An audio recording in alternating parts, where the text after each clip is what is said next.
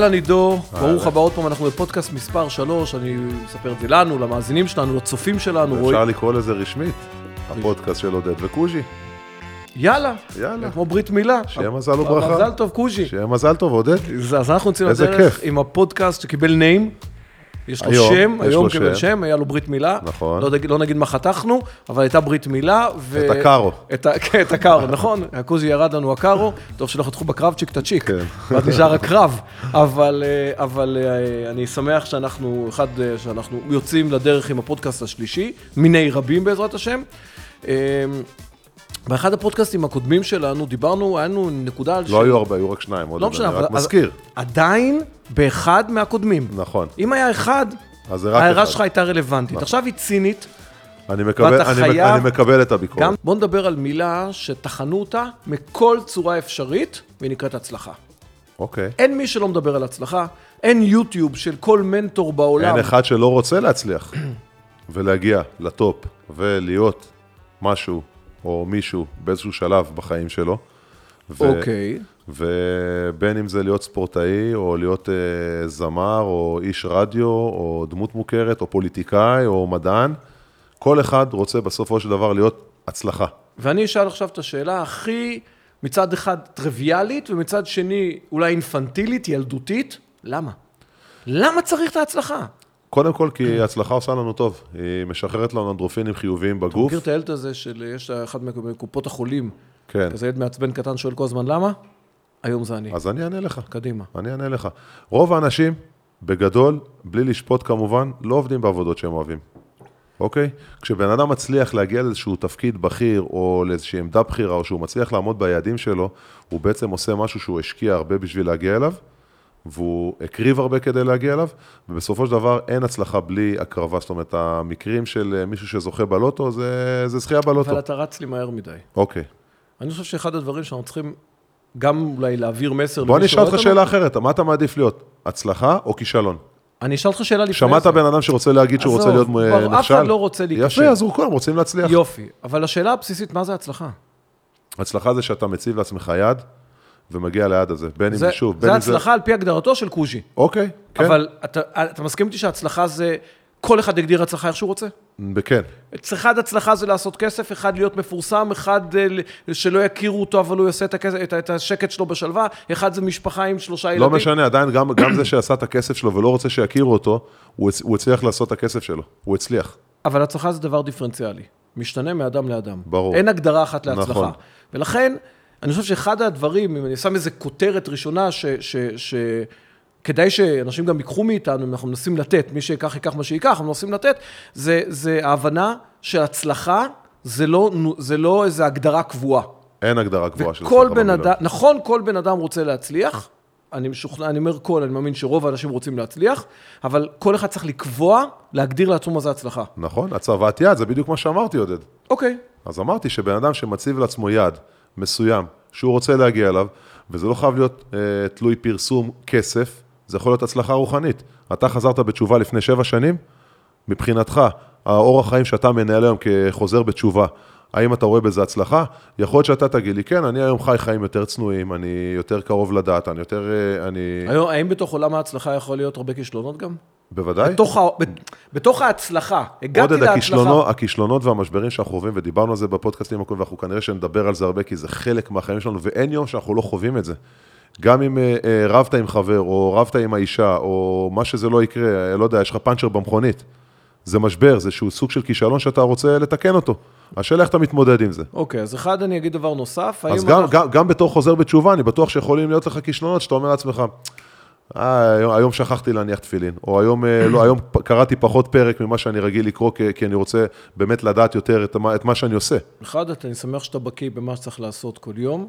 אה, תפילין, אני ארכוש לך ותתחיל להניח, כדי שתוכל להגיד, איזה באסה, היום שכחתי, ואתה לא שם, אבל אני צוחק, ופרק ביום. אני ידעתי. ידעתי שאתה צוחק. כן, מה זה? אה, בכל צחוק יש, אבל לא. העניין הוא, העניין הוא, עוד פעם, הגדרת כישלון והגדרת הצלחה זה דבר מאוד מאוד חשוב, ואתה השתמשת פה שני, בשני, בשני מונחים, ואני חושב שהם גם חשובים שאנשים יפנימו אותם, אתגר וכישלון. בסדר? קושי אוקיי. וכישלון. לא בהכרח קושי הוא כישלון. ואני חושב שמילת המפתח פה היא הגדרה. מעולה. בוא נדבר על ההגדרה. אז, כל אחד מגדיר לעצמו מה מבחינתו תהיה הצלחה. אז זה צריך... אני מבחינתי כנער, ההצלחה שלי הייתה להיות אה, שחקן אה, כדורסל בהפועל גליל עליון. למה? למה? למה? כי, כי מ- מה? מ- מה, מהרגע שהתחלתי להקפיץ כדור, חלמתי על מג'יק ג'ונסון, ומי שלא זוכר, ועכשיו אני אעלה איזה שם מן האוב, אבל הוא אליל נעוריי, ברד ליף, אנדרו קנדי, אוקיי. ואלה אנשים שגדלתי עליהם, וראיתי אותם משחקים באולם בכפר בלום, ורציתי להיות כמוהם. ואם לא היית מצליח... אז, להיות אז, כמוהו? לא, אז, לא, אז לא הצלחתי להשיג את מה אז שרציתי. היית כישלון? לא. נכשלתי במשימה הזאת, אבל יש לנו מיליון ואחת משימות אוקיי. אחרות בחיים. כלומר- יש לנו משימה לגדול ולצמוח, ומי שמציב לעצמו למטרה להקים משפחה, אז הצלחתי להקים משפחה, הנה, הצלחתי. אוקיי? הצלחתי אז בדברים, הנה- אז הצלחתי הנה אני- בהרבה מאוד דברים שהם לא קשורים לכדורסל, לא תלויי ספורט. אז, אז הנה, אני אשים לנו עוד כותר כזה קטן, שיבוא מעולה. ויגיד שהצלחה היא לא רק פנים בתחום רבות אחד, לה. פנים רבות לה. נכון. וזה אומר שבן אדם יכול להיות מצליחן, גם אם בתחומים אחרים הוא לא מצליח. ואני יכול לחדד את זה טיפה יותר? המון אנשים מצליחים מאוד בחיים בלי לדעת שהם הצליחו בחיים. הם לא רואים את זה. ואת זה אנחנו צריכים, וזה, לא אולי את זאת זה. הנקודה שאנחנו צריכים אז, אז בוא אה, נסתכל, בוא ניקח, להעיר. נעשה איזה זום אאוט. ודווקא נגיד, בוא נראה מה היהדות אומרת על הצלחה.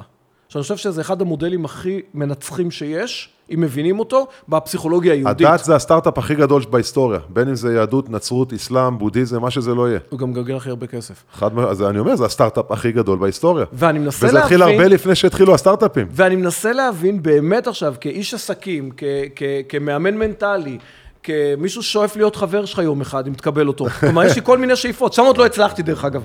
אני, עובד על זה. אבל, אבל שמת לך למטרה. היא נורא גבוהה. נכון. והולכת ומתרחקת. כל פעם שאתה כובש לי איזה יעד חדש, איזה ג'ונגל פתאום, אתה נהיה לי, במקום לרדת לעם, אתה הופך להיות לי, לא משנה, זה, בינינו אחרי שהרמקולים אנחנו- סגרו. כן. בכל מקרה, אני, אני אומר שהיכולת שלנו להבין, שאתה בא ואומר, זה הסטארט-אפ הכי גדול בעולם. דת זה הסטארט-אפ הכי גדול חד בעולם. מש- בעיניי. ונעזוב כרגע איזה דת, אני, בוא, בוא, בוא נתמקד רגע בדת, בוא ש... על על היהדות. שהיא כאילו הכי מוכרת לי כרגע. גם יש- לי, דרך אגב. אוקיי, אני משוכנע יותר מהנצרות והאסלאם והבודהיזם, ובטוח יש עוד כמה דתות אחרות שאנחנו בכלל לא יודעים את השם שלהם. אז בואו נדבר רגע, נשאר בדת שנגיד היא מוכרת לשנינו, ושנינו הם מוגדרים על פיה כיהודים, בסדר? אנחנו אומרים שהוא הסטארט-אפ הכי גדול בעולם, אני מסכים איתך דרך אגב, בהרבה פרמטרים, ו- ויכולות להיות בתוך הפרמטרים גם הרבה אי הסכמות בנושא ההתנהלות הדתית. אני חושב שעל זה נבנית היהדות, ההתפלפלות בין האי-הסכמות. כל היהדות מושתתת על זה. נכון? על שני צדדים, כן ולא, כן ולא, אבל גם על קבלת החלטות. כן. גם על הסכמה. גם על אה, אה, קבלת מרות. כלומר, אי אפשר להגיד שדת זה דבר דמוקרטי. בסדר? אין שם דמוקרטיה. יש שיח, יש ויכוח, יש הקשבה, יש את כל הפרמטרים שצריכים בשביל הצלחה, אבל יש גם קבלת החלטה, ואחר כך הירתמות להח... להחלטה הזאת, וההחלטה היא לא תמיד דמוקרטית. אבל אולי זה פודקאסט אחר על, על, על שיטות שלטון. אבל אה, אם זה, אני מנסה באמת להבין על, על, עלינו. אם הרעיון הזה שאתה בא ואומר הוא סטארט-אפ הכי מוצ... לא רק הכי גדול, הכי מוצלח בעולם, בהיסטוריה. בהיסטוריה, נכון. בכל פרמטר, מבחינת כמות אנשים שנרתמו לסטארט-אפ, בכמות כסף שמתגלגל בסטארט-אפ הזה, אוקיי? ויותר מזה, משך הזמן שהסטארט-אפ חי. או, יפה, פה, עכשיו- פה, פה הקדמת טיפה את המשפט שבאתי להגיד לך שכדי לכמת את זה במספרים, הסטארט-אפ הכי מוצלח הבא, יצטרך להחזיק מעמד 5,000 שנה. זהו, ותהיה לו בעיה. מאוד הוא קשה. לעולם לא יתחרות, לא יוכל להתחרות, אני אגיד לך למה. כי הסטארט-אפ הזה לא נגמר. נכון? כלומר, שהסטארט-אפ הבא יהיה 5,000, לצורך העניין, זה כבר יהיה 10,000. זה כבר יהיה עשרת אלפים. נכון. ולכן, אני מנסה להבין למה אנשים לא יושבים, שלא קשורים לדת, שלא קשורים אה, במודע לדת, אוקיי? לא יושבים, אומרים בוא נעשה פה, נתח את סיפור ההצלחה הזה. יש פה סיפור הצלחה שאין עליו ויכוח, בסדר? Mm-hmm. בוא נעצור ונבין מה יש בסיפור הזה, ואחר כך נעשה copy-paste לתחומים אחרים, copy-paste לכדורסל, copy-paste לעסקים, copy-paste... כלומר, אחד הדברים שאנחנו המון המון מנסים ללמוד מהם, זה איך לא. איך לא להיכשל. Mm-hmm. רוב החיים אנשים מתחקרים כישלונות. רוב החיים אנשים מתחקרים כישלונות, מנסים ללמוד מכישלון כדי למנוע את הכישלון הבא. עכשיו תחשוב רגע על הרעיון. המילה למנוע, למה אנשים מנסים למנוע את, ה, את הכישלון הבא? כי הם חושבים שאם אני אמנע את הכישלון הבא זה יעזור לי לצמוח. לכאורה, לכאורה לוגי, זה כמו לעלות למשחק ולנסות לא להפסיד, שערורייה. נכון? שערורייה, אז השאלה באותו רגע זה רק באיזה הפרש אתה הולך להפסיד. עכשיו, אם נחשוב רגע אה, אה, פיזיקלית, אז המילה למנוע, כיוון התנועה שלה הוא למטה. המילה לצמוח, כיוון התנועה שלה למעלה. מניעה וצמיחה זה כיוונים מנוגדים. זה פשוט כיוונים מנוגדים, זה אומר שאי אפשר לצמוח על ידי מניעה. אתה לא יכול לצמוח בשום, דרך, דרך, בשום פרמטר בחיים, ואני לא ארחיב כרגע, על ידי מניעה אתה לא יכול להצמיח שום דבר, אוקיי? אתה יכול, מקסימום, זה, זה בדרך, זה, זה, זה ייקח אותנו למקום הבא, שיבוא להגיד שהכישלון הכי גדול בחיים זה לא לנסות. גם נכון. לא לנסות, זה מניעה. נכון. אז מה, מה, איך מוגדר כישלון? איך, חוס- מייקל, איך מייקל ג'ורדן אמר? החטאתי 100% מהזריקות שלא לקחתי. לא, מאה אחוז. נכון? זה, זה בול. נכון? עכשיו, אם אני מסתכל ואומר, אז בואו רגע נסתכל איך היהדות שמבחינתי, אחד הדברים שהקסימו אותי ביהדות, מעבר ללהניח תפילין, בסדר? ש, ש, שאני עושה את זה לא אם זה מקסים אותי או לא מקסים אותי, זה הקבלת עול, אבל יש דברים שבאמת מקסימים אותי, ובדרך כלל מה שמקסים אותך זה מה שאתה מסוגל להבין. מה מקסים אותך בהצלחה של היהדות? קודם כל, מה שמקסים אותי בהצהרה של היהדות, שאני חושב שהבנתי, מילה מאוד יומרנית, וביהדות המרכז הוא על ענווה ולא על גאווה, ורוב העולם מחוץ לנו נתקע בכישלונות בחיים בגלל מידת הגאווה. קוראים לזה ביהדות כוחי ועוצם ידי עשה, אני ואני ואני ואני ואני, עד שיום אחד אתה מקבל איזה כאפה שבאה לך מבחוץ ומסבירה לך שאתה כלום ואפס מאופס, אוקיי? אה, אה, למשל קורונה. למשל קורונה. אבל בזה אנחנו ניגע בפודקאסט הבא, נכון, לא ניכנס לזה עכשיו. נכון, ואחת הנקודות להבין זה שהיהדות באה ואומרת לך בהצלחה, תהיה צנוע. סופר חשוב, תהיה צנוע. צניעות לא אומרת התבטלות, צניעות לא אומרת אה, אה, הסתרת היכולות שלך, אבל תהיה צנוע, דבר ראשון. אבל הרעיון, באה בא היהדות ואומרת דבר מאוד פשוט, לכאורה פשוט. בן אדם פה לא סתם. נתחיל משם, אין מקריות. אתה. פה כי אתה צריך להיות פה, ואני פה כי אני צריך להיות פה. כלומר, יש שתי, שתי תפיסות עולם, שתי תפיסות מציאות. תפיסת מציאות אחת שתבוא ותאמר, הכל פה סתם והכל פה מקרה והכל פה ככה, ותפיסת מציאות אחרת שתבוא ותאמר, אמ, בוא תגדיר את התפקיד שלך פה. אתה לא פה סתם. אתה לא פה סתם. אתה פה לטובת משימה מאוד מאוד משמעותית. בסדר? אוקיי. אתה אה, אה, אה, אה, היית בהישרדות, אוקיי? ברור לך כשאתה הגעת לאי הזה או לאיים האלה, אני לא רוצה, אתה לא אמרת אני פה סתם.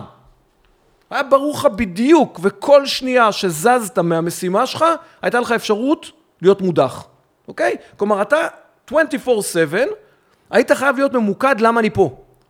אה, זה נכון ולא נכון, אני חושב? שאי אפשר, אפשר לעשות הכללה לגבי כולם. לא, נדבר זאת עכשיו, אומרת, כל אחד הגיע מהסיבות שלו. יש כאלה שבאו אה, להעביר מסר. אבל כולם רצו להצליח? כולם רצו להצליח. כולם רצו להישאר עוד, עוד פרק? כן, כלומר, אף אחד לא בא בשביל לעוף אחרי שעה. ברור. בסדר. אז כל אחד בא עם איזושהי אג'נדה, אחד להעביר מסר, אחד לקחת כסף, אחד בשביל החוויה, אחד בשביל לברוח מהבית חודשיים, לא משנה, כל אחד, אבל כל אחד בא בשביל משהו. נכון. עוד פעם, המשהו הוא דיפרנציאלי. כל אחד בא בשביל משהו. אם המשהו הזה לא היה לו מול העיניים 24-7, בכל שנייה שהוא היה מזיז את העיניים שלו מהמשהו הזה, משהו אחר היה יכול להזיז אותו, להפיל אותו. הגיוני? כן. באה היהדות אומרת לך את זה נכון. לא, אתה פה, לא סתם. ואם אתה רוצה להצליח בסיבה שאתה פה, וכל אחד פה מסיבה אחרת, אתה חייב להיות ממוקד כל הזמן בלמה אני פה. בעולם שאנחנו מכירים, עולם הספורט, מה המטרה שלי? מה השאיפות שלי? מה המשמעות של מה שאני עושה? כי הדבר היחיד, המרכזי, שיכול לתת לנו את היכולת להתמודד עם כל קושי בחיים, זה משמעות. יפה, אז מה, מה, משמעות? מה, מה מבחינתך המשמעות שלך בעולם הזה? המשמעות שלי עד שחזרתי בתשובה לא הייתה, כלומר הייתה כל פעם איזה אירוע נקודתי. פעם זה עסק, פעם זה אה, אה, לעבוד עם נבחרת ישראל, פעם זה להיות, להמשיך את העסק של אבא שלי, כל פעם איזה משהו שצץ, ואני הגבתי לצץ הזה, ואם זה מצא חן בעיניי, זרמתי איתו, אוקיי? אחרי שלמדתי את הקונספט של תורת הנפש של היהדות, ואתי אמרתי, רגע, יש פה משמעות. אני אוהב את הקונספט של המשמעות. כי אני כל החיים, כשיש אדם מחפש התחברת. משמעות. התחברתי לרעיון. אוקיי. אוקיי? כתב ויר- ו- ויקטור פרנקל, ספר אדם מחפש משמעות, בסופו של יום זה מה שאנשים מחפשים כל החיים שלהם. מחפשים משמעות.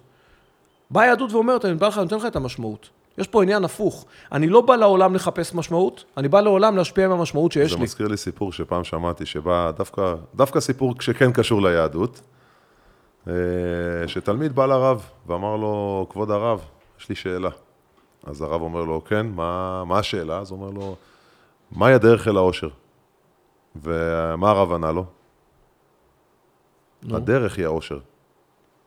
אוקיי? אוקיי. אז אני לוקח את זה, נגיד, לעולם שלי, אני מבחינתי, הדרך היא האושר.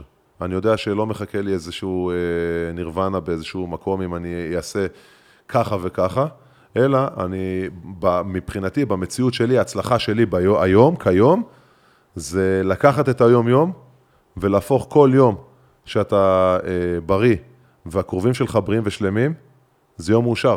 כבר אין, באמת, אין, מבחינתי, זה, זה הנקודת התחלה שלי. זה אוקיי. הנקודת התחלה. יפה. וכשאתה חי ב- בצורת חיים כזאת, אז אתה גם, אני, זה לא שאין משברים.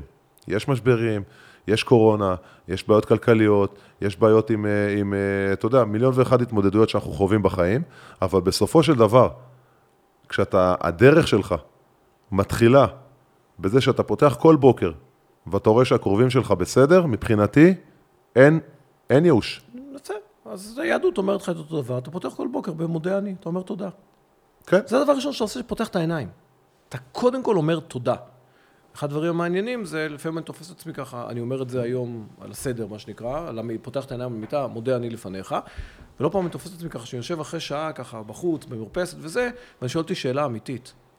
כשאתה אומר את זה, אתה אומר את זה כאוטומט או אתה מתכוון לזה? או, או, האם אתה, זה הפך להיות הרגל, או שאתה אומר תודה, אתה רועד כאילו באמת, כי אני אגיד לך משפט שהוא קלישאה, אבל אני חושב על הקלישאה הזאת, היא קלישאה עצבנית, מה שנקרא. אנשים לא מעריכים את החיים, לא מעריכים את היום-יום. תקשיב, לא מעריכים את החיים כמו שהם מפחדים מהמוות. תחשוב. אנשים, תגיד לבן אדם, אתה הולך למות, ייגמרו לו החיים, תרתי משמע. אבל תגיד לבן אדם, אתה נשאר לחיות, בסדר, בסדר. אה, אני לא, לא מסכים איתך במאה אחוז. לגבי העניין הזה. כמה בן אדם חשוב, כמה אדם חושב ועסוק במה שיש לו לעומת מה שאין לו. חוץ מעידו שעכשיו אמר שהוא מסתכל על הדברים הקטנים שיש, ביום-יום. זה מה- הבעיה, מה עודד, שמזיז, עודד, מה ולכן ש- אנשים לא יכולים להצליח. הנה, אפרופו הצלחה, כל עוד שאתה עסוק כל הזמן, או רוב הזמן, בחוסרים שלך, במה שאין לך, בזה שאתה עוד לא הגעת, ועוד לא השגת, ועוד לא, אתה עוד לא, אתה לא יכול להצליח. נכון. כי מה ששואב, זה שואב אותך למטה. בדיוק, ומה שאני אומר זה בדיוק ההפך. תסתכל על מה שיש לך. והרבה אנשים, אמרנו בתחילת הפודקאסט, הרבה אנשים לא יודעים כמה הם מוצלחים. הם לא מבינים כמה הם מוצלחים. כתבנו- ולפעמים הם צריכים איזה בן אדם שיבוא, וסליחה על הביטוי, ייתן להם סטירה, או, י... או יפתח את עיניהם. אוקיי.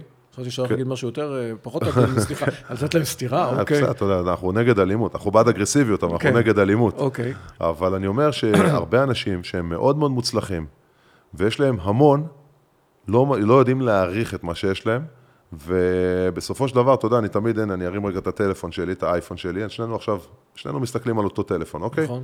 מה שאתה רואה עכשיו... את הגב שלו. את הגב שלו. ומה שאני רואה פה זה תמונה של שני הילדים המקסימים שלי. אוקיי. אוקיי? שנינו רואים את אותו טלפון, נכון. ושנינו מסתכלים, ושנינו יכולים להגיד שני דברים שונים על אותו טלפון. אבל אני אני יכול לדייק את זה עוד יותר. אני, בשביל זה אנחנו פה. עדיין, כשהמכשיר ככה, שנינו רואים דברים שונים לגמרי. נכון? אבל אם אני אשב על ידך ונראה עדיין שני הילדים המקסימים שלך, עדיין שלא נראה דברים שונים. אני אראה שני ילדים, ואתה תראה את שני הילדים שלך. אוקיי. בסדר? נכון. לך זה יגרום תחושה א', זה- לי זה זה- יגרום תחושה ב'. ב- זה זה הרבה יותר מדויק מאשר אנחנו רואים שני צדדים, אתה יודע, ברור שאני נכון. פה לא רואה את הילדים שלך, זה לא חוכמה להשוות. אבל עוד פעם, כתבנו לענייני תביא לי חז"ל, בבקשה את הטלפון? עזוב, אתה רוצה את הילדים שלי? כתבנו לענייני חז"ל, כן. גם על זה יש להם מה להגיד. איזה הוא העשיר השמח בחלקו. אחד מה... אני, עם זה הולך... אבל, ו- אבל, הנה, זה הדברים שאני לוקח מח... מחז"ל. בסדר, זה הדברים שאתה מכיר שאתה לוקח מחז"ל. יש עוד שני דברים בטח שאתה לא מכיר, וגם אני לא קצת- מכיר. קצת שאני- יותר. אני אומר, ברור, אנחנו מכירים, בסופו של יום אנחנו מכירים את הרעיון, אבל זה לא קלישאה. עכשיו, אם אני מחבר את זה להצלחה, עשיר, אז אומרים, שמח בחלקי, אז מה זהו? אז אני לא צריך לשאוף? נהפוך הוא, ביום שתהיה שמח בחלקך באמת, אתה תהיה עשיר. זה, אבל מעבר לזה, ברגע שאתה שמח בחלקך, הרי מה התנאי כדי שתהיה שמח בחלקך? שתגיע ליעד. לא, שתהיה קודם כל שתדע מה החלק שלך. אוקיי. כדי שאני אהיה שמח בחלק שלי, אתה צריך קודם להכיר אותו, אוקיי? אז כדי להכיר את החלק שלך, אתה צריך להסתכל מה יש לך. ולהעריך. וזה המפתח שלך להביא לך את החלק הבא. אתה יודע מה? אני רוצה לספר לך סיפור. דבר איתי. וסליחה שאני אני דווקא לא... פחות רציתי לבוא תפסיק ולדבר פה על להתנצל, הישרדות. תקשיב, תבוא, תפסיק להתנצל. לא, אני אגיד לך למה. כי זה לא אתה. מעניין. לא, זה לא אתה גם. תשמע. נו. אה, זה גם לא מעניין. כשהייתי בהישרדות, ככה, בין, זה שנים. כן, בין המשימות, בין הכפרים, וזה, יצא לי לראות, אה, לעבור ליד כפר של אה, פיליפינים, כפר מאוד מאוד מאוד עני, זאת אומרת, עולם שלישי, אנשים שם ישנים עם הבהמות בתוך הבית, אין דלתות, אין חשמל. חיים, אתה יודע, חיים כמו שחיו פה לפני אלפיים שנה. ממש ככה, אוקיי. פשוטו כמשמעו. אנחנו נחתנו שם כמו חללית. וראינו שם, יצא לראות באחד הזה, ראינו שם באחד הרחבות שם, ליד איפה שעברנו, קבוצה של ילדים משחקים. היו שם ילדים מגיל ממש בני שלוש עד גיל 14 בערך. ילדים וילדות. משהו כמו 14, 12 ילדים וילדות. והסתכלתי עליהם ככה, אתה יודע, הם צדו את עיניי. למה? כי ראיתי אותם, וראיתי ילדים מאושרים, שמשחקים אחד עם השני ללא הבדלי גיל ו... ומין. פשוט משחקים שם ביחד, כולם עם כולם, כולם מאושרים, עם אפס משאבים. אפס משאבים. ואז אתה שואל את עצמך, אתה אומר, אוקיי, אני כדי להגיע, לגרום לילדים שלי להגיע לרמה כזאת של עושר פנימי בנקודת זמן אחת, ספק אם אני יכול. אני יכול, אני יכול לקנות להם עכשיו איזה טאבלט חדש, הם יהיו שמחים שבע שניות. הם יהיו שמחים את, השבע, את, הש, את החמש שניות אפילו, וזהו. ואצלם, פשוט בהיתי בהם במשך כמה דקות, ולא אגיד לך שכיניתי בהם, אוקיי? כי אני אוקיי. חושב שאני יודע הכל, אני יודע יותר, אני לא יודע, סליחה, סליחה, סליחה, סליחה, אני לא יודע הכל, אני, אני יודע, זה יהיה הציטוט. אני- זה יהיה הפרומו. זה הפרומו. קושיקורו יודע הכל. כן, לא, ממש לא יודע הכל, אני יודע הרבה יותר מהם, ואני שמח לדעת, כי אני בן אדם סקרן שאוהב לדעת וללמוד, אבל כיניתי קצת ב, ב, בתחושת העושר, אה, ללא, ללא תנאים שלהם. אמיתי. עושר אמיתי, האמת יוצאת מפעפעת לנו מהחיים. בדיוק. ולא פעם אנחנו חושבים שההצלחה תביא לנו את האושר, וההצלחה, אם היא לא נכונה, היא מביאה לנו את הסבל הגדול ביותר. הצלחה צריכה להיות נכונה, ולדעתי אם היא לא נכונה זה לא הצלחה, גם אם אתה בסוף קיבלת את המאה שקל שלך, או את המיליון שקל שלך, או את השני מיליון דולר, זה לא משנה, או גם הגעת לתפקיד, או גם הגעת להיות שחקן ב, זה לא משנה, אם ההצלחה היא לא אמיתית, היא לא שלך. אתה תגיע למקום שכל כך שאפת, ואתה תמשיך להיות מבואס. ואתה תמשיך להסתובב שם, זה כמו אותו ילד שקיבל את הטאבלט, בשנייה שהוא קיבל את הטאבלט, חלם על הטאבלט, לקח לך את הראש, חודשיים, אבא תביא לי אייפון, אייפון, אייפון, אייפון, אייפון, אתה מהשיקולים שלך, שחלקם זה שקט, הבאת לו בסוף את האייפון, שעה אחרי זה אתה רואה את האייפון זרוק על הרצפה באיזשהו מקום, עם מסך שבור. ואתה בא ואומר, עכשיו, אני כועס עליו מסיבה אחת, למה אני כועס עליו? כי הוציא אותי פראייר. נכון? לא כי הוא, הוא ילד. עכשיו, להגיד לך שהוא לא היה מאושר חמש דקות? היה מאושר. היה מאושר. לא עשה 200 סלפים עם המצלמה החדשה? עשה. כמה זה החזיק? הוא הגיע. הוא הגיע לשחק ב-NBA, הוא הגיע לשחק במכבי חיפה, הוא הגיע להיות, הוא הגיע להיות. דקה אחרי זה. ואתה מכיר מספיק שחקנים, יותר ממני, אוקיי? שמגיעים לאיזה פסגה, וכאילו עכשיו במקום לשבת, לא לשבת בעצלנות, וליהנות מזה, עוד פעם מתחילים להתלונן. עוד פעם המאמן, ועוד פעם הקבוצה, ועוד פעם העיתון. כלומר, אתה אותו ילד, לפני רגע, הצטלמת בכל העיתונים ככה שהנה הוא חתם חוזה עם הגופייה, דקה אחרי זה, אתה ממשיך להיות אותו ממורמר. אז זה הצלחה? אני לא חושב שזה הצלחה. אם אני מסתכל רגע, חוזר רגע למודל, שאמרת למה, מה, מה הדליק אותי במודל היהודי, המודל היהודי בא ואומר, העולם הוא הפוך. ההצלחה היא כבר נמצאת. כלומר, אתה לא יוצא לעולם לייצר הצלחה, אתה יוצא לעולם להשפיע עם ההצלחה שלך. כלומר, אני לא יוצא, אני אם אני קיבלתי חוזה, לא אומר עליי כלום.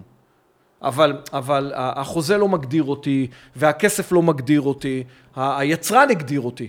זה, אתה יודע, זה, זה בדיוק כמו, אם אתה תיקח את זה, את אותו, אותו גרעין של תפוז שאני תמיד אה, משתמש בו, כל סיפור ההצלחה של הגרעין של התפוז, כל הפוטנציאל נמצא בתוך הגרעין. בסדר? בתוך תפוז אחד יש פוטנציאל לפרדס. אמיתי. אם יהיה פרדס או לא יהיה פרדס, זה לא משנה את העובדה שיש פוטנציאל. בתוך בן אדם יש פוטנציאל להצליח ביחס למה שהוא מכוון להצליח. אני מאוד לא אוהב את האמירות של מאמנים או של כל מיני כאלה ואחרים, שבן אדם יכול להשיג כל דבר שהוא רוצה להשיג בחיים, הוא רק ירצה. שטות גמורה. בסדר? בן אדם יכול להשיג כל מה שהוא רוצה להשיג בחיים, כל זה בתחום היכולות שלו. בסדר? כמה שגרעין של קלמנטינה ירצה, היא לא לא תהיה עגבנייה. נקודה. כמה שהוא ישקיע, וגם אם הוא יתפלל, שבע פעמים ביום. הגרעין יתחיל להתפלל, להתפלל, להתפלל, הוא לא יהיה מה שהוא לא. ואחד הדברים שהיהדות באה ואומרת, תבין מהר מאוד מה שאתה כן. איך תבין מה שאתה כן? תחפש פנימה, אל תחפש החוצה. מי אתה, מה היכולות שלך, מה הדברים שאתה אוהב, מה החוזקות שלך, מה החולשות שלך. בעולם הספורט אומרים שבן אדם שיודע את החסרונות שלו, הם הופכים ליתרונות. אבל הוא חייב לדעת את היתרונות שלו כדי משם. תראה, יש לך יתרונות ויש לך חסרונות. אם אתה עסוק בחסרונות, הם ימשכו גם את היתרונות. בוא אני. אתן לך דוגמה. דבר איתי. אני, במקרה יושב פה מולך. אוקיי. אוקיי, אני תחילת הקריירה. באיזשהו, מהר מאוד הבנתי שכדי להצליח בתור שחקן בוגרים, אם אני רוצה, אה, מה שנקרא, למלא את הנישה שלי בתוך קבוצה, אני צריך לדעת מה החסרונות שלי. הבנתי שאני לא אתלט גדול, הבנתי שאם אני לא אהיה חזק מאוד, מאוד מאוד, בעמדה שאני נועדתי לשחק ב- בתוך מגרש, שזה נגיד בעמדה של הגבוה, אין לי זכות קיום. בטח לא ברמות הגבוהות, מתי התחלת להתעסק במה אתה כן? גם בגיל מאוד צעיר. כלומר, ידע, ידעתי שאת זה אני לא עושה, ידעתי שאת זה אני כן אעשה, אוקיי? ידעתי שאני הולך להיות שחקן באופי שלי, אחרי כל הגלגולים שעברתי, שיבוא ויעשה, ייתן את הכל על המגרש, לא יוריד את הראש לרגע, כי למדתי שלהוריד את הראש, אם, להוריד, אם להוריד את הראש לא מגיעים לשום מקום, אוקיי? אוקיי. למדתי את זה. ולא משנה אם, אם אתה לא מסתדר עם המאמן, אם אתה לא מסתדר עם השחקן, זה לא משנה. אתה תלוי בעצמך בסוף. הכל בראש, אוקיי. אוקיי? בקוף.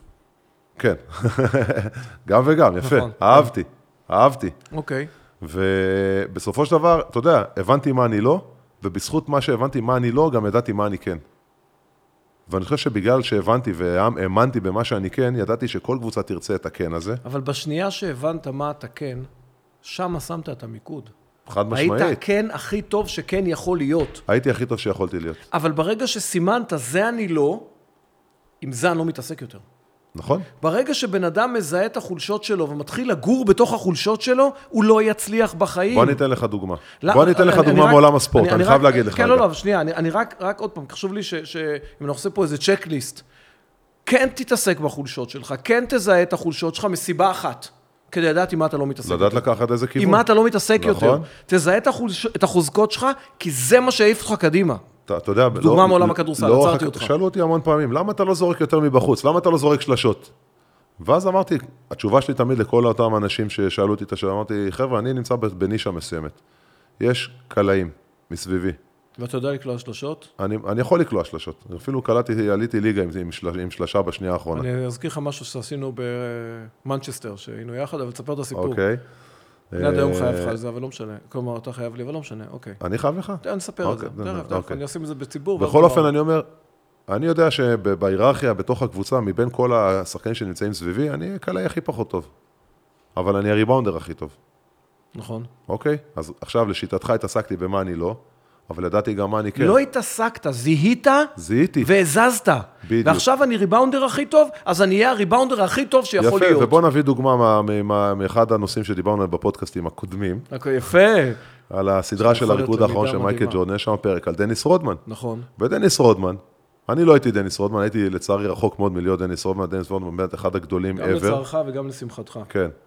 אבל uh, דניס רודמן הבין בשלב מסוים שהוא משחק עם מייקל ג'ורדן, שהוא הסקורר הכי גדול בהיסטוריה, ועם סקוטי פיפן, שבאותם זמנים אולי היה הסקורר השני הכי גדול בליגה, אז עדיף שהוא ייקח ריבאונד, נכון. עדיף שהוא ישמור, ועדיף שהוא יעשה את העבודה השחורה. וזה נתן לו את הפריבילגיה הנוראית, במרכאות, להיות חסר רסן, ו- והדמות הכי... הכי אז אני, לא הכי חס... אז אני לא הייתי חסר רסן, ושיחקתי עם שחקנים גדולים תמיד לידי, ולכל השחקנים הגדולים האלה, היה חסר אחד שיעשה את העבודה השחורה. ואני. הייתי פועל שחור בקריירה, נכון. הכי גאה בעולם. למה? כי זאת הנישה שלי. כי אתה התעסקת עם מה שאתה טוב. נכון? וברגע שבן אדם מתעסק עם מה שהוא טוב, הוא גם ייהנה מה שהוא עושה. חד משמעית. והוא יגדיל נכון? את הסיכוי להצליח. בהחלט. ואתה לא היית עידו קוז'יקרו הכדורסלן, אם היית כל היום עסוק בלנסות להיות מה שאתה לא. בדיוק. ואם אנשים יבינו את זה, וזה היהדות אומרת לך, תהיה רק מה שאתה כן, הגרסה הכי טובה של עצמך, זה המצאה של עולם היהדות. אני אזכיר לך רק אפרופו, היינו במנצ'סטר. הסבב שלנו, זה, זה, זה מטריף אותי. וככה, לפני אימונים, היינו על המגרש, אז היינו עושים תחרויות קליעה. אל תגיד שניצחת אותי בתחרות. לא, לא, רוני, אני הייתי עם רוני בוסני, הוא היה קולע מטורף. אי אפשר- רוני, אי אפשר אין- אין לנצח שחקן אותו. בארץ שמנצח אותו. ו- ו- ואני אמרתי וזרקתי. והתחרתי עם רוני, ולפעמים יותם היה עולה, ו- ו- וניצחתי, ניצחתי את יותם, ניצחתי את פניני.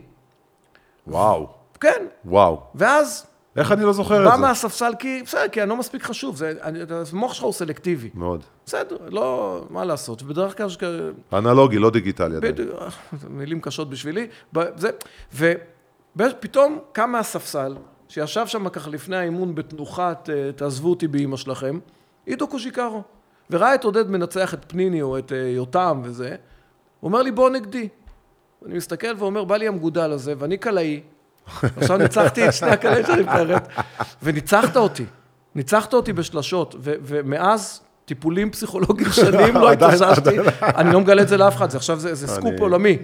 איזו קוז'יקרו, הבן אדם לא פוגע מרחוק, אז יש לי סקופ עוד יותר גדול. ניצח אותי, עכשיו לא שאני מייקל ג'ורדן, אבל באתי עם תהילה שלפחות ניצחתי שני קלעים של הנבחרת. אתה יודע שיש לי 1-0 על שניים מהכוחות הכי גדולים בכדורסל האירופאי. יש לי 1-0 על ריאל מדריד בגמר גביע יול"ב, עם אוקיי. הפועל ירושלים, ויש לי 1-0 על עודד קטש. ניצחתי אותו, וברחתי לצד השני, כי עודד הוא כל כך תחרותי, ואם אתה נשאר לידו עוד שנייה אחת, הוא אונס אותך לשחק איתו עוד פעם. עשינו תחרות, איכשהו, אני לא יודע איך, מייקל ג'ורדן היה כזה. כן, עודד גם כזה. ניצחתי את עודד, וברחתי, ואני בטוח שאם תשאל את עודד הוא יכחיש את זה, אבל אני רוצה שיבוא ויכחיש את זה בפניי. תביא אותו לפודקאסט הבא. שיכחיש. יאללה. תשמע. אני, באמת חושב, אני באמת חושב שאם אני מסתכל על עולם ההצלחה, עולם ההצלחה הוא עולם נורא מסוכן אם אתה לא נוגע בו נכון. אז אני רוצה עכשיו, בוא, אנחנו טיפה דיברנו על, על הדרך ואיך נכון. לעשות ומה לעשות. בוא נדבר רגע על... לדעתי אנשים את- מפחדים מהצלחה. את- בוא, או, אני רוצה... אנשים אומרים מפחדים מכישלון, אנשים רוצה- מפחדים מההצלחה. אני. רוצה, אני רוצה לדבר עכשיו על... ה- הצלחת, על הבן אדם שהצליח, ובוא, אני רוצה להביא לך עכשיו סיפור. אה, יצא לי לעבוד עם אחד המאמנים. אוקיי, אוקיי, בלי שמות, כי אנחנו שומרים על... אה, שבת, אוקיי. כן, גם, בין היתר. ואחד המאמנים שעבדתי איתם, יצא לי לעבוד איתם במהלך הקריירה, הוא לא היה מאמן מצליח במיוחד, אה, הוא יחסית היה צעיר בליגה, והגענו לאיזושהי סיטואציה שפתאום ההצלחה נפלה עליו בבום. ובא לבן אדם, ואומר לי, איזה יופי ואיזה זה, וזה אומר, תשמע, אני אומר לו, תקשיב, אני נורא מפחד. אומר לי, מה קרה? הכל בסדר, אנחנו מנצחים. המאמן לא יודע להתמודד עם הצלחה. מה זאת אומרת? הוא אומר לי, אני רואה את ההתנהגות שלו. עלה לו. עלה לו השתן. והוא מתנהג אה, לא, לא יפה כלפי השחקנים. הוא מתנהג לא יפה כלפי הצוות וכלפי ההנהלה וכלפי זה, ואני לא, לא, לא בא לי טוב. ולא עבר שבוע מאותה שיחה עם אותו איש, אני לא, שוב, לא, לא, לא, לא אגיד תפקידים ולא זה כדי אוקיי. לטשטש את התקופה. עברנו תקופה של שלושה הפסדים רצוף. ואז בא אליי אותו איש שדיבר איתי ואמר לי, וואלה, איך צדקת? עכשיו, אתה יודע, אני, מניסיוני, כבר גם להתמודד עם הצלחה צריך לדעת. ואני יכול להגיד לך משפט שאבא שלי היה אומר לכל החברים שלו בתקופה שאני הייתי בשיא הקריירה וכל זה, תמיד אמר, אני קדחתי לעידו צינור פה בצוואר, שהשתן לא יעלה לו. למה? כי אף פעם אל תשכח מאיפה באת ומי אתה. ולא משנה כמה שאתה מצליח, וכמה שכולם מזהים אותך ועוצרים אותך ברחוב, פעם זה היה לחתימות, היום זה לסלפי, אתה בסוף, אתה בסוף אותו בן אדם. דע מאין באת, מאיפה המשפט הזה? כתבנו לענייני חז"ל. כתבנו לענייני חז"ל. כן. דע מנין באת ולאן אתה הולך. עכשיו, אני... מודל ההצלחה. אח שלי, מודל ההצלחה. אנחנו נתקלים בהמון... אנשים מתכחשים לזה. לגמרי. וגם להצלחה צריך לדעת לנהל אותה, כי אנחנו רואים, יודעים סיפורים, בין אם, שוב, בחיים, בספורט, בפוליטיקה, אנשים שהיו מטאורים, הצליחו, לא ידעו להתמודד עם הצלחה, בין אם זה זמרים מפורסמים. ממועדון אז- ה-27, אז- אז אני יכול להגיד לך, אני יכול... אני יכול- ובין אם זה כדורגלנים, תקשיב, אחד הדברים ש... עוד פעם, גם, גם תורת הנפש תגיד, אבל בכלל, כל... יש, אתה יודע, לא יגעת ומצאת, מה ההמשך? מכיר? זוכר? אני יודע, יגעת ומצאת. יגעת ומצאת, תאמין, יפה. יגעת ולא מצאת, תאמין. אל תאמין. אל תאמין? כי אם יגעת ואתה עדיין לא מצאת, תמשיך להתייגע, תמשיך לנסות. אוקיי. לא יגעת, לא יגעת, לא עבדת, לא התאמצת, ומצאת, מה דעתך ההמשך יהיה? תאמין לא. או אל תאמין? לא יגעת ומצאת, תאמין. אל תאמין. אל תאמין? כי הצלחה היא תוצאה של יגיעה.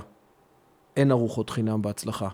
מה שמרים מס- אותך מסכים איתך. כמטאור לשמיים, יוריד אותך כמו מטאור לרצפה. נדיר למצוא אנשים דרך אגב, מטאור שעלו הגדרה, בלילה, מטאור זה הגדרה לא טובה, כי מטאור זה, הצלחה מטאורית בדרך כלל זה התרסקות. המטאור בדרך כלל מתרסק. אין ספק. ולכן מה שאני אומר, הוא רק זוהר. מה שירים אותך מהר, ירסק אותך מהר, לא יעזור כלום, אתה רוצה כאבא לתת לילד שלך ערך למשהו, הוא יבוא דרך מאמץ, דרך השקעה. אין ארוחות חינם. אני לא... תמצא לי ספורטאי אחד, אחד, ו... או איש עסקים אחד, אני לא מדבר שעלה, היה שעתיים למעלה והתרסק, שהחזיק קריירה מנס, מ... מ... כי אבא שלו היה שחקן, כי לא קיים, אין מציאות כזאת. לכן האמירה, יג... לא יגעת ומצאת, זה לא שלך. ולכן... דרך אגב, את המשפט הזה, אם לא יגעת ולא מצאת, אני לא הכרתי, זה משהו חדש מעכשיו. זה רביעייה. אה, זה רביעייה? אתה אוקיי. השחקן החמישי. הבנתי. יגעת ולא מצאת. יגעת ולא מצאת, אל תאמין. יגעת ומצאת, תאמין. תאמין. לא יגעת ומצאת, מצאת? אל תאמין. כמובן, לא יגעת ולא מצאת, אז אל תאמין. פראייר. אז זה אחד תתחיל מהארבע. לשנות את החיים שלך. כן. אחד, כלומר, אחד הכלים המרכזיים להצלחה, זה עובר דרך עבודה. אין, אין, ואנשים צריכים להבין, אין להפוך לעידו קוז'יקרו סלאש האחרים שהצליחו כמוך או יותר. למה? כי אתה שתי מטר. לא, זה לא רלוונטי. על כל אחד כמוך של שתי מטר שלוש, יש מאה של שתי מטר שלוש שלא לא עברו את הנערים.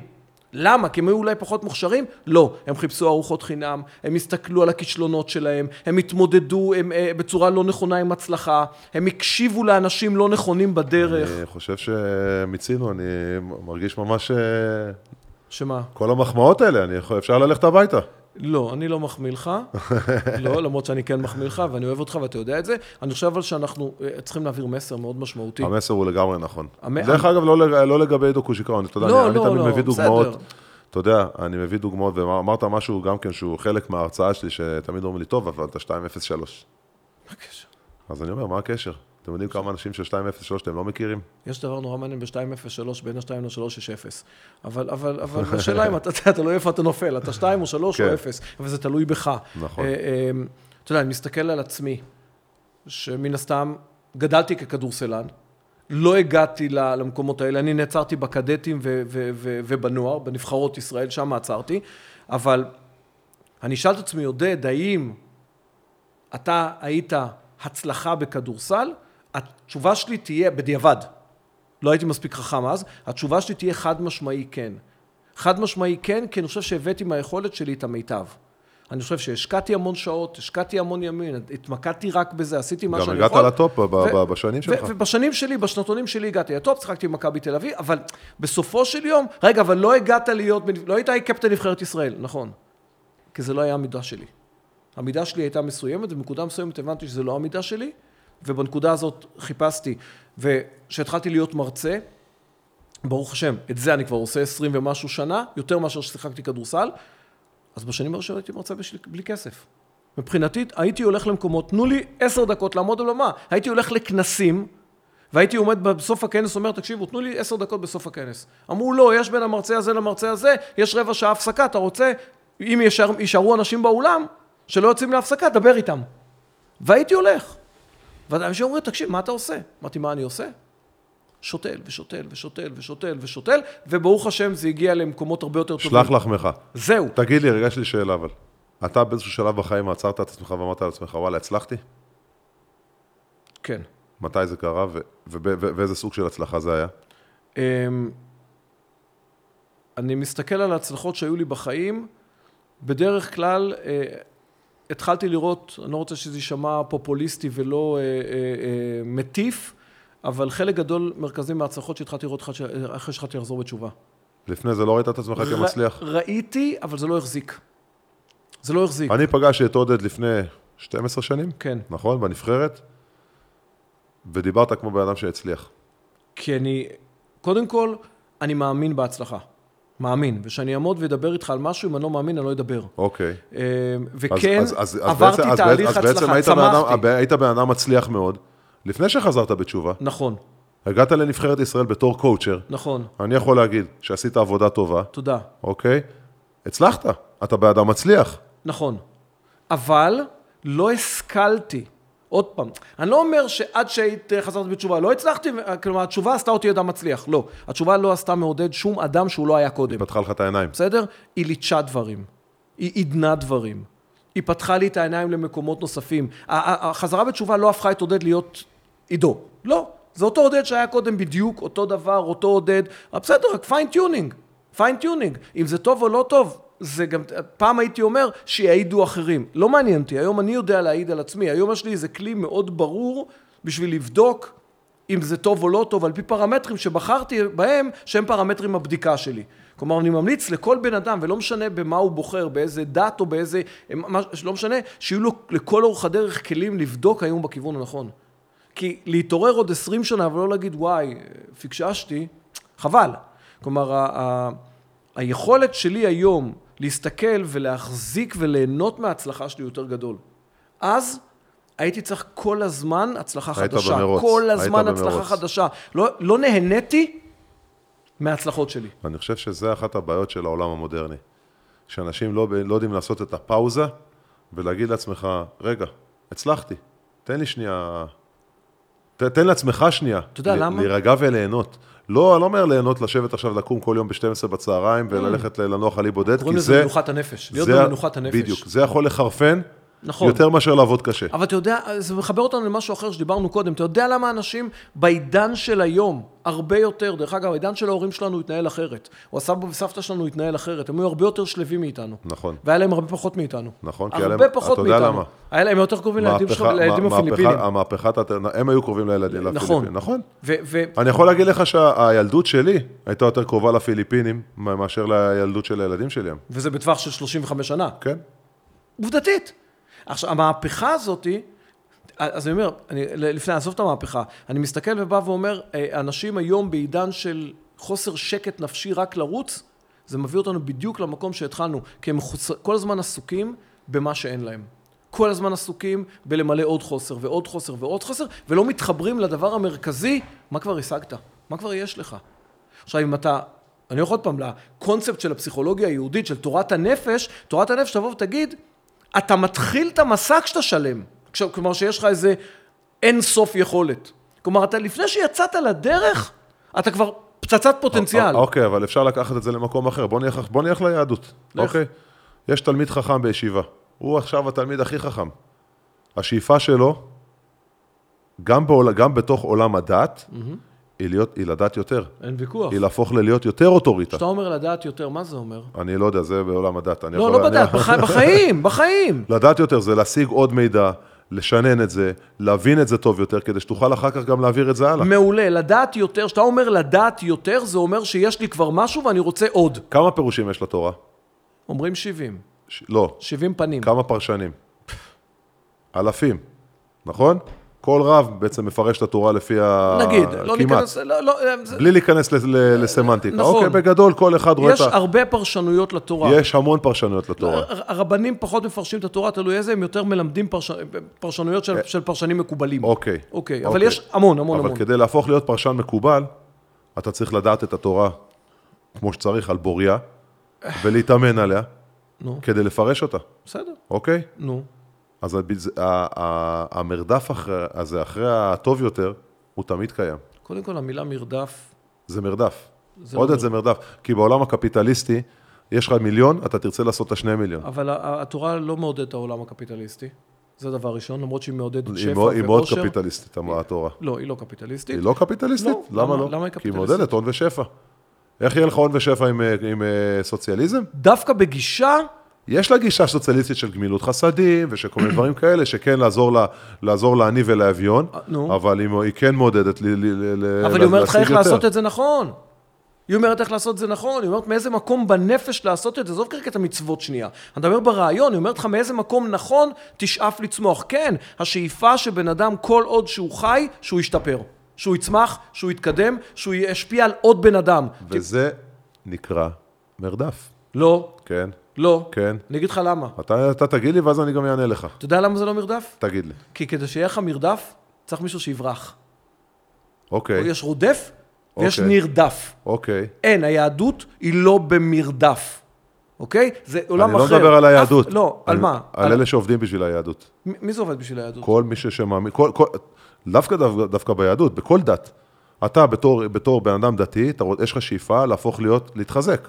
אין ספק, אבל אוקיי. איפה המילה מרדף רלוונטית פה? כי אתה, השאיפה, ה- ה- המרדף זה מטאפורה לשאיפה, ללכת, לא, אז- קדימה. אז ההמלצה שלי, בוא נמצא בעולם מילה- בוא- בוא נמצא מילה אחרת, בעולם שנסכים עליה. בעולם היום, מרוץ.